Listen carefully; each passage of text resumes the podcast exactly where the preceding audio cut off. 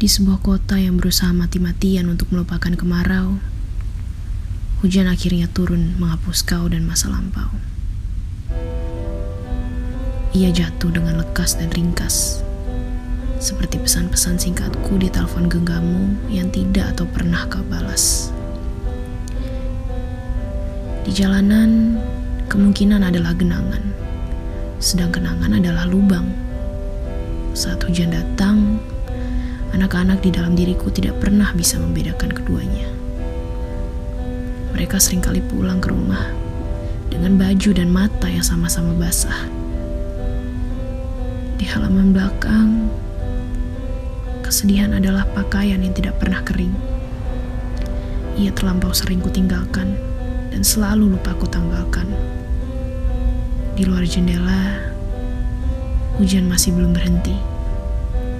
Sedang di televisi, mereka bilang besok hujan akan turun lagi.